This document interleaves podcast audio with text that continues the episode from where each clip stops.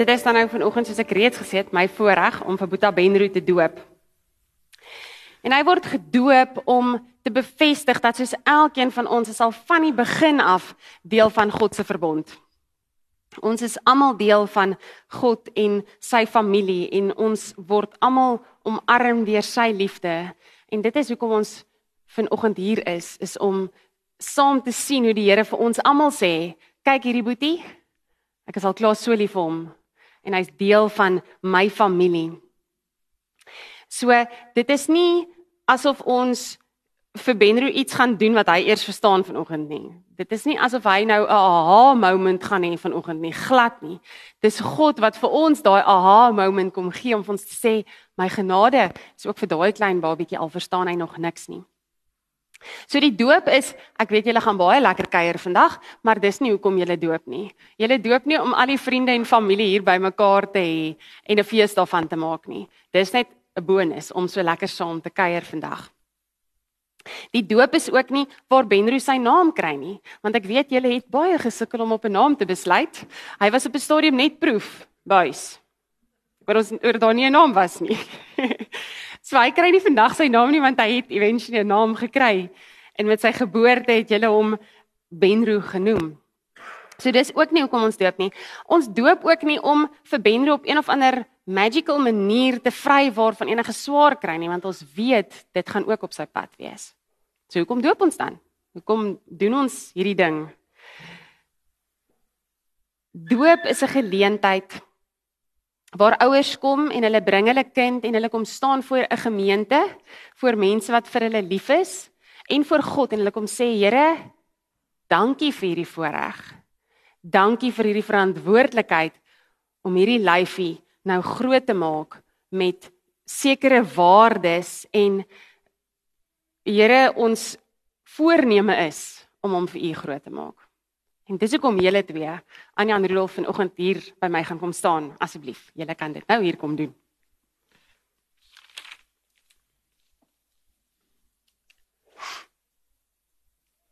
Die ideaal is, die droom is gaan julle nou Ek sal verder van julle weg staan. Skei.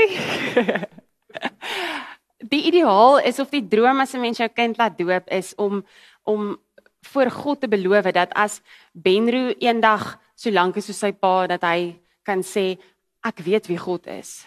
Ek ken God. En ek weet dit omdat my mamma en pappa my geleer het van hom. En daar's vyf goeders wat wat ek dink kardinaal belangrik is wat mamma en pappa vir Boetie moet leer. In die eerste plek moet jy hom leer dat God die Vader is, dat God die Vader vir hom lief is, dat hy sy skepper is, dat hy alles gemaak het en dat hy soveel groter is as wat ons ooit in ons koppe kan dink of droom. Dan moet jy hom ook leer van Jesus Christus en Jesus wat op die kruis gesterf het, wat sy sonde al weggevat het nog lank voor hy kon sonde doen. Maar hy is in sonde gebore, maar verstaan, hy Daai lyfie kan nog nie stout wees nie. Maak nie saak wie vir jou wat sê nie.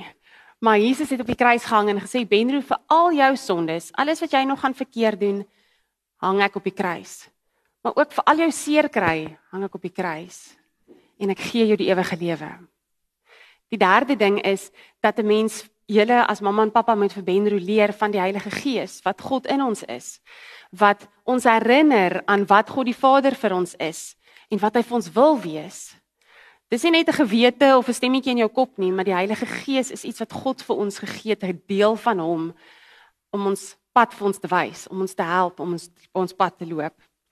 Die vierde ding is dat om deel van God se kinders te wees, beteken dat ons deel van 'n familie vorm.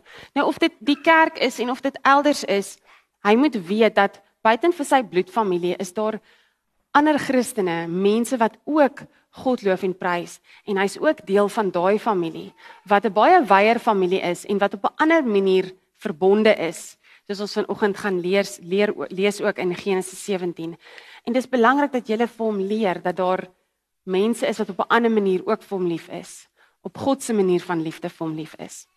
Die laaste ding is dan as ons as kinders erken dat ons God se kinders is, dan is ons deel van God se koninkryk En God se koninkryk is nie 'n ding wat al ver in die toekoms lê nie, dis 'n ding wat reeds nou is.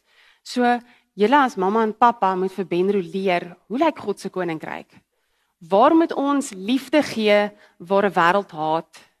Waar moet ons anders optree met sagte oë kyk waar ander mense net veroordeel en met harde oë kyk? Waar moet ons hoop behou waar ander mense net heeltemal hoop verloor het? En dit is dit is die crucial ding van vanoggend is julle kom sê hopelik ja, dit is julle voorneme om vir Benro daai 5 goed te leer. En is dit julle voorneme? OK. Dan gaan ek nou vra dat oupa Ben, oupa grootjie Ben, asseblief vir Benro sal vorentoe bring. Nou dit is besonder besonder hierdie geleentheid want 35 jaar terug het selle oupa vir pappa Rudolf ingebring om gedoop te word. So 35 jaar terug het dit ook gebeur, maar toe was dit Papa Rudolf en nie Puta Benro nie.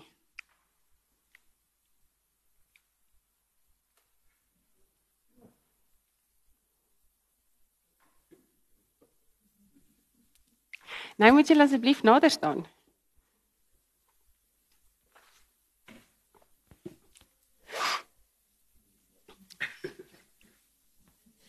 Puta Benro. Hallo. Hallo Boetie. Hoe gaan dit met jou? Dis hier's water. Dis water. Staan ons net 'n bietjie nader aan ja. Benru Buys. Ek doop jou in die naam van God die Vader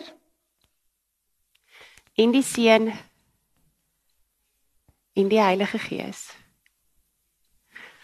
Kom ons doen 'n seën gebed saam. Julle kan julle hande ook uitsteek as julle wil. Here ons wil nou net 'n oomblik in hierdie oomblik staan. Ons wil saam met Anja en Rudolf vir u dankie sê vir hierdie seentjie. Here, u droom al klaar groot drome vir hom. Groter as wat enige van hulle twee of enige van ons vir hom kan droom. Maar Here seën hulle as gesin. Help vir mamma en pappa om om groot te maak en om te leer van wie U is en wat dit beteken om U kind te wees. Amen. Isabella gaan jou nou op die spot sit. Sal jy saam met my gou die Bybel kom oorhandig asseblief?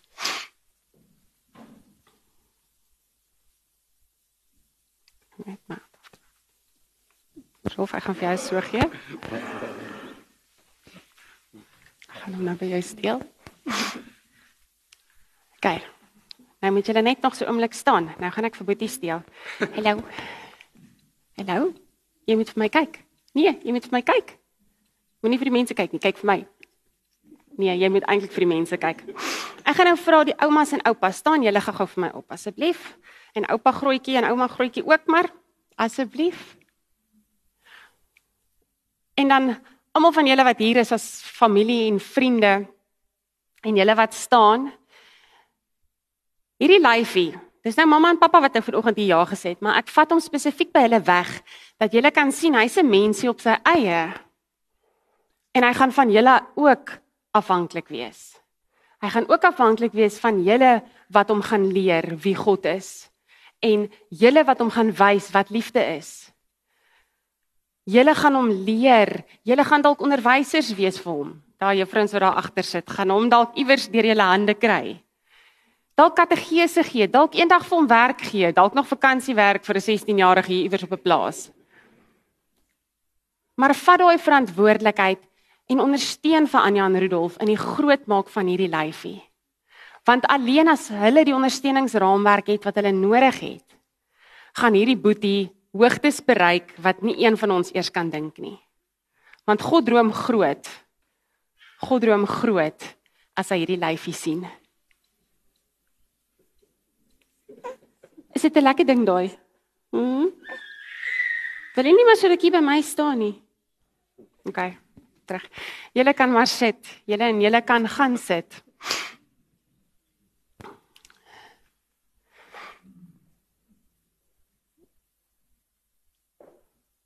Ek is altyd as ek 'n babatjie doop, is ek opgewonde, soos vir my eie kinders ook om om te sien wat gaan hulle wees. Hoe gaan sy persoonlikheid wees? Hoe gaan sy karakter ont ontvou en watter tipe mens gaan hy word? Um So mag ons almal met daai opgewondenheid vir Benro dophou. En nie vir mamma en pappa dophou en sê julle moet so en julle moet so nie, maar dophou wat Benro gaan word. Ek gaan vanoggend lees uit Genesis 17 uit, so ek vra dat julle julle Bybels daar oopmaak. Genesis 17.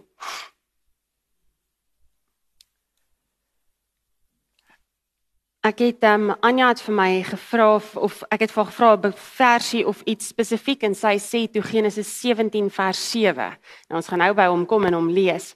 Maar toe besluit ek ek gaan die hele Genesis 17 lees of tot by vers 22 dink ek. En um ons gaan vanoggend praat oor oor verbond en wat dit beteken. So kom ons word net 'n oomblik stil en dan gaan ons nou lees, maar kom ons bid net eers saam.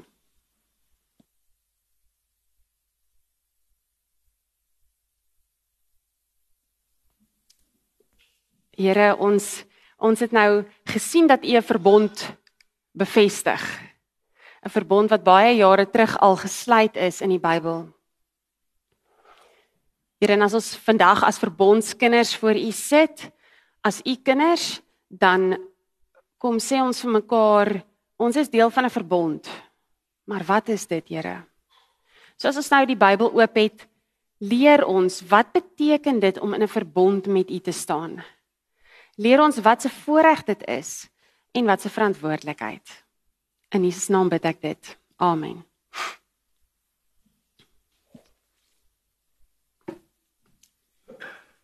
Ek lees vir ons Genesis 17 vers 1 tot 22. Toe Abraham 99 jaar oud was, het die Here aan hom verskyn en vir hom gesê: Ek is God die Almagtige. Lewe naby my en wees opreg. Ek sal my verbond met jou sluit en baie baie mense uit jou laat voorkom. Abraham het op sy knieë geval en toe sê God vir hom: Dit is my verbond met jou. Jy sal die vader wees van 'n menigte nasies. Jy sal nie meer Abraham genoem word nie, jou naam sal Abraham wees, want ek maak jou die vader van die nasies. Ek sal jou baie vrugbaar maak. Ek sal jou tot nasies maak en konings sal uit jou voortkom. Ek bring 'n verbond tot stand tussen my en jou en jou nageslag en al hulle geslagte. Dit is 'n blywende verbond. Ek sal jou God wees en ook die God van jou nageslag. Daar was nou vers 7, so ek lees dit weer. Ek bring 'n verbond tot stand tussen my en jou en jou nageslag en al hulle geslagte. Dit is 'n blywende verbond. Ek sal jou God wees en ook die God van jou nageslag. Ek gee aan jou en jou nageslag die land waar jy as vreemdeling woon, die hele Kanaan, as 'n blywende besitting en ek sal hulle God wees. Verder het God vir Abraham gesê, jy moet my verbond nakom, jy en jou nageslag en al hulle geslagte. Dit is my verbond wat moet geld vir jou en jou nageslag. Elke lid van die manlike geslag onder julle moet besny word. Julle moet besny word aan die vooruit. Dit is die verbondsteken tussen my en julle. Dit is nou vandag die doop. Elke seun onder julle van 8 dae oud moet besny word. Dit geld vir elke lid van die manlike geslag. Die slawe, die alles. Ek gaan aan vers 15. God het ook nog vir Abraham gesê: Jy moet jou vrou nie meer Sarai noem nie, maar noem haar nou Sara. Ek sal haar seën en is vir jou 'n seun uit haar gee. Ja, ek sal haar seën en nasies en konings van volke sal uit haar voortkom. Toe het Abraham op sy knieë geval en hy het gelag en gedink: Kan daar vir 'n man van 100 'n kind gebore word? Of kan Sara wat 90 is 'n kind in die wêreld bring? En Abraham het vir God gesê: As Ismael maar net in u teenwoordigheid kan bly. Maar God het vir Abraham gesê: Nee, jou vrou Sara sal vir jou 'n seun in die wêreld bring en jy moet hom Isak noem. Ek sal my verbond met hom hou as 'n blywende verbond en ook met sy nageslag. Ek het gehoor wat jy oor Ismael gesê het. Kyk, ek sien hom ook. Ek maak hom vrugbaar en ek sal sy nakomelinge baie maak. Uit hom sal daar 12 heersers stam en ek sal hom 'n groot nasie laat word. Maar dit is met Isak, die seun van Sara, wat Sara vir jou gee oor 'n jaar dat ek my verbond sal nakom. Nadat God klaar met Abraham gepraat het, het hy van Abraham af weggegaan. Net tot sover. Nou verbond is een van daai woorde wat ons so maklik gebruik. As ons doop, praat ons van verbondsdoop. Ons is verbondskinders. Ons God se verbondsvolk. En toe ek bietjie gaan lees oor wat beteken verbond? Wat is verbond hier in die Bybelse tyd? Wat het dit beteken? Nou, as jy gaan kyk, is daar 'n klomp verbonde, ooreenkomste wat God met sy mense maak. En dit begin al met Adam en Eva en dan met Noag in die ark en met um Abraham dan nou hier en dan met Moses en met Dawid en later is daar die nuwe verbond as Jesus gebore word en as Jesus op die kruis sterf. So daar's 'n klomp keer wat hierdie verbonding op die tafel kom. Maar wat beteken dit? Het julle al gewonder wat is 'n verbond nou eintlik? Ek het gewonder. So kom ons praat 'n bietjie tegnies. Ons praat tegniese taal vandag oor die verbond. Daar is twee tipes verbond in die Bybelse tyd. In die eerste plek is dit 'n verpligtende verbond, is die eerste ene. Nou 'n verpligtende verbond klink soos 'n geforseerde ding, maar dit is nie noodwendig dit nie. Dit kom eintlik amper meer soos 'n vredesverbond. As twee lande oorlog voer en hulle roep 'n vredesverbond en hulle hou op met oorlog voer. Maar hierdie verpligtende verbond is gewoonlik tussen twee persone of twee groepe mense wat gelyk is. Ek wil amper sê soos 'n huwelik in vandag se dae is 'n verpligtende verbond. Dit is 'n verbond waar al twee het gelyke verpligtinge in hierdie verbond en dit is waar die verpligting vandaan kom. So dit is die eerste tipe verbond wat mense in die Bybelse tyd kry. Maar dit is nie die verbond wat God met sy volk gemaak het nie.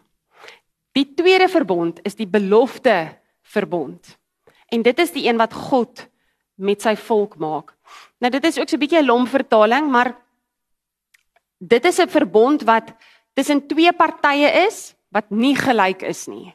Daar is 'n suzerain en 'n vassal is die Engelse woorde en ek sukkel met vertalings vir dit. Suzerain is soos die soewereine of die koninklikes en dan die vassal is jou gewone mense. OK, so ons gaan nou maar dis dis moeilike ek is sulke woorde wat ek nie eintlik self verstaan nie, maar OK. Dit is wat 'n beloftesverbond is, is dat daar 'n persoon is wat 'n koning is of soewerein is en dan die belofte word gemaak teenoor mense wat onder hom is.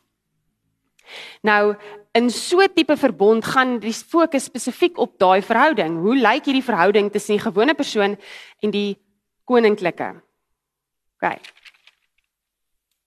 Maar weet jy wat interessant van hierdie tipe verbond? Is dat die belofte, die belofte van die verbond lê nie by die gewone mense nie. Die belofte van die verbond lê by die koninklike. En dis hoekom ek gesê het toe ek 2 weke terug oor die doop gepraat het, eintlik kom sê ons nie meer dis 'n doopbelofte nie. Want die belofte lê nie by mamma en pappa wat 'n belofte kom maak nie. Die belofte van hierdie verbond lê by God. Hy wat beloof, hy is altyd daar. Hy wat beloof, hy is God vir hierdie mense. Dis waar die belofte lê. Al wat God vra, soos hy hierso gevra het, lewe naby my en wees opreg. Dit is wat God van sy wessels van die gewone mense vra. Wees naby aan my en leef opreg. God vra nie vir ons om 'n klomp beloftes te maak van ja Here ek beloof dat ek dit en dit en dit sal doen. Ja Here ek beloof ek sal my kinders kom doop. Nee, want ons kan nie daai beloftes maak nie. God alleen maak die beloftes. Hy is die een wat die verantwoordelikheid vat. En dit is interessant as jy gaan oplees oor hierdie tipe verbonde, die band tussen hierdie koninklike en sy gewone mense, daai band is sterker en meer blywend as wat 'n bloedband is. So as jy as gewone mens jouself so verbind het aan iemand in die Bybelse tyd, moes jy jou familie los en jy jouself verbind aan daai persoon. En dit is wat hierdie verbond van God sê is in die eerste plek moet ons onsself aan God bind want hy is die belangrikste ding in ons lewens. Hy moet wees. So deur God wat sy volk uit Egipte gered het met Noag in die ark en al die goeders, het God homself oor en oor en oor bewys as hy is die moeite werd om aangebind te wees. Want hy doen al hierdie amazing goed vir sy mense. So oor en oor het hy dit bewys en al wat hy vra is loyaliteit en gehoorsaamheid. Hy vra nie vir hulle 'n klomp goed nie. Hy sê wees naby my en leef opreg. Dit is so so eenvoudig. Dit beteken egter dat die volk nie 'n ander god mag gedien het nie.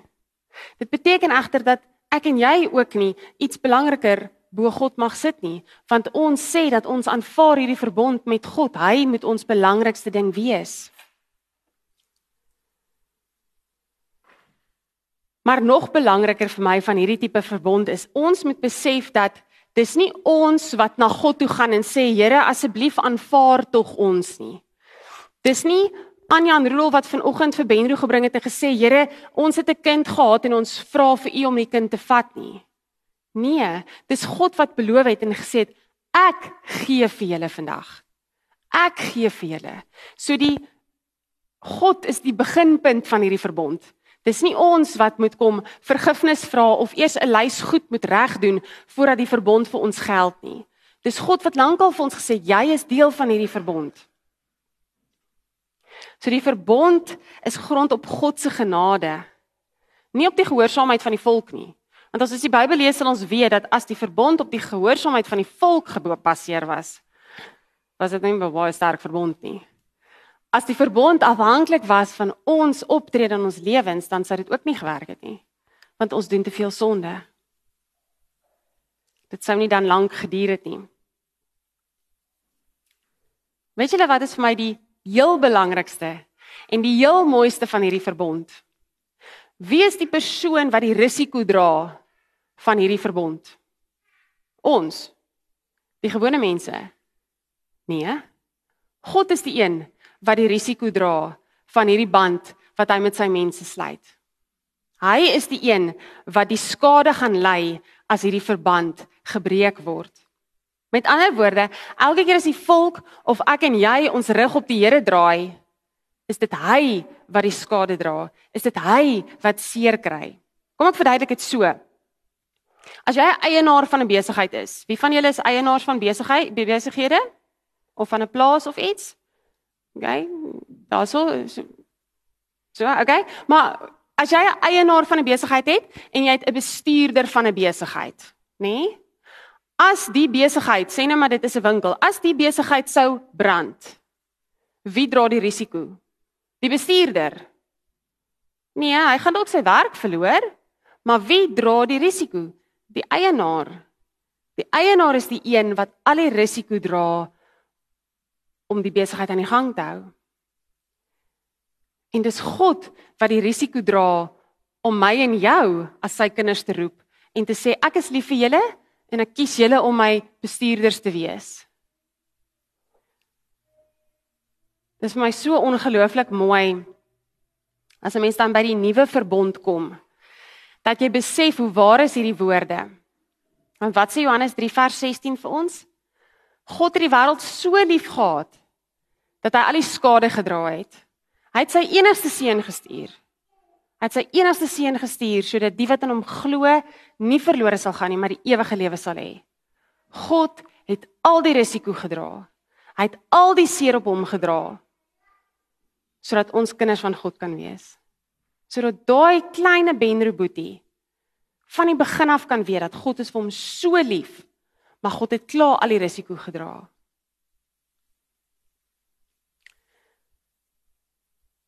Soos God in Genesis 17 vers 7 sê, ek bring 'n verbond tot stand tussen my en jou en jou nageslag en hul nageslagte, is dit 'n blywende verbond.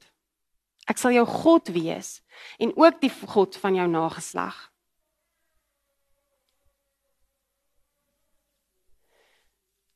Wat beteken dit vir jou? Wat beteken dit vir jou dat God vanoggend vir jou sê ek wil met jou 'n verbond sluit? Wat beteken dit vir klein Benro as die Here vandag gekom het en gesê het ek doop jou vandag want ek bevestig met jou my verbond. God sê vir my en jou Moenie dink jy is so groot dat jy hierdie verbond tussen my en jou kan skeer nie. Hou op lewe met 'n skuldgevoel oor al die dinge wat jy al verkeerd gedoen het. Kom vandag en kom staan saam met Anja en Rudolf en Benroe voor en kom sê Here, ek is jou kind en ek is jammer. Maar dankie dat jy vir my lief is. God is altyd getrou. Ons moet besef dat God se verbond staan sterker as enige bloed. En hoe meer ek oor die verbond dink en hoe meer ek besef dat God het die risiko gedra. Ek meen dit is soos ons kan hierdie kontrak teken en ons kan weet ons put al die voordele daaruit. Al die voordele van God se genade sonder dat ons enige risiko hoef te dra. Ek weet nie wie van julle het al ooit in so 'n kontrak ingetree nie. Ek dink nie daar is so iets nie. Die oomblik as jy 'n kontrak teken, weet jy dat daar risiko's is. God sê vir jou, mm -mm, niks risiko nie. Ek het alles alles gedra. Maar as God dan nou al die risiko dra, wat bly oor vir ons? Lewe naby my en wees opreg. Amen. Ek gaan afsluit deur dieselfde gebed te lees wat ek mee begin het.